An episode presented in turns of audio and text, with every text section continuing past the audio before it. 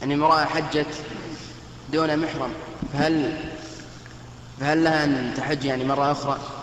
ويكون سقط حجها. إذا حجت المرأة بلا محرم فهي عاصية عاصية لله عز وجل ورسوله. لأن النبي صلى الله عليه وسلم قال لا تسافر امرأة إلا مع ذي محرم. فقام رجل فقال يا رسول الله إن امرأتي خرجت حاجة وإني اكتشفت في غزوة كذا وكذا. قال انطلق فحج مع امرأتك. لكن الحج مجزئ. يعني لا يلزمها أن تعيده مرة أخرى بل عليها أن تتوب إلى الله وتستغفر مما حصل منها